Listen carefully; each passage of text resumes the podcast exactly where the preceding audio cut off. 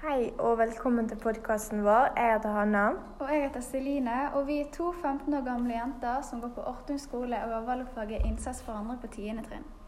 I denne episoden så skal vi snakke litt om hvordan det har vært å ha hjemmeskole under koronatiden, og litt om idrett i Fyllingsdal. Ja, og da skal vi begynne med hjemmeskole. Og snakke om hjemmeskole. For 2020, det var jo et veldig rart år. Um, og 12. mars så fikk jo vi beskjed om at vi skulle bare ha hjemmeskole i to uker. Uh, de to ukene det ble fort til uh, en måned eller mer. Uh, så det var jo veldig rart. Ja, og jeg syns det var veldig annerledes å ikke gå på skolen eller få være med venner og familie og sånn. Så det har vært vanskelig. Ja, og så Jeg tror jo Altså, jeg ville ikke hatt hjemmeskole igjen, fordi at vi fikk ikke lært alt det vi kanskje kunne ha lært hvis vi hadde vært på skolen fysisk.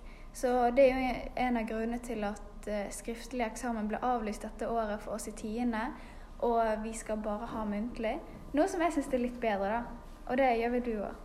Ja, det er mye bedre enn eh, skriftlig.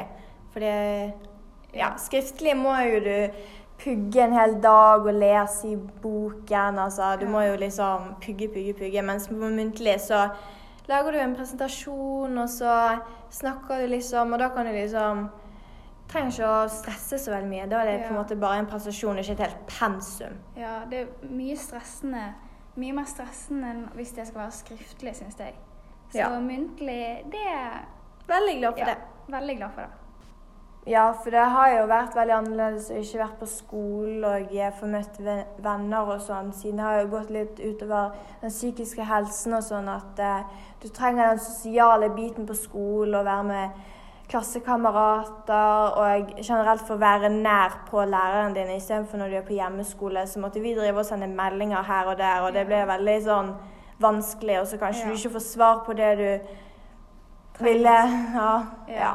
Så det er mye enklere, for her er lærerne mye mer tilgjengelig. Mens hjemme så uh, har jo de De skal sette opp uh, skoledagen, eller hva vi skal gjøre, uh, for dagen. Og så må de også være til stede for oss.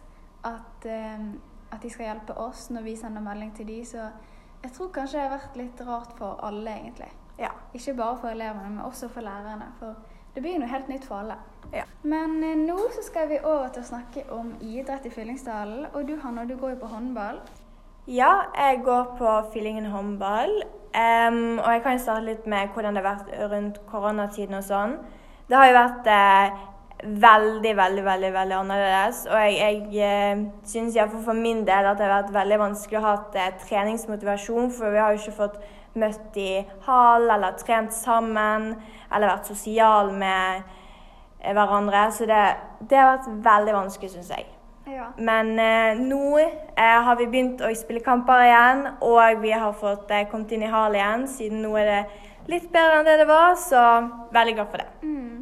Og jeg, jeg, er ikke, jeg er ikke med på et lag, men jeg trener jo på treningssenter, og de har jo også vært sånn eh, De har vært stengt, og så har de åpnet igjen, og så har de vært stengt, og så har de åpnet igjen. Og jeg kan jo relatere til deg eh, angående motivasjon og sånn, for jeg kjenner jo at den motivasjonen, den har både gått opp og ned, og ja, det er litt eh, slitsomt på en måte, for at man vil trene.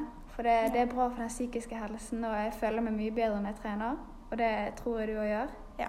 Ja. Um, men når du ikke får lov til å trene, det Jeg vet ikke. Man bare føler ikke seg like bra, kanskje. Nei. Så det har vært veldig dumt, men sånn er jo det bare. Men vi har jo ikke kun håndball og treningssenter her i Fyllingsdalen. Vi har jo fotball, basketball, karate, kickboksing, dans, friidrett. Så vi har ganske mange muligheter å velge mellom, så det er stor sjanse for at det finnes noe for alle. Noe som jeg syns er veldig bra. Ja. Det er noe for alle. Så da har vi egentlig snakket om det vi skulle snakke om i denne podkasten. Så da takker vi for oss, og vi håper at eh, dere som hørte på, syns dette var interessant å høre på. Ja, og at dere kanskje fikk dere dere kanskje fikk litt nye tanker. Så da takker vi for oss. Ha det! Ha det!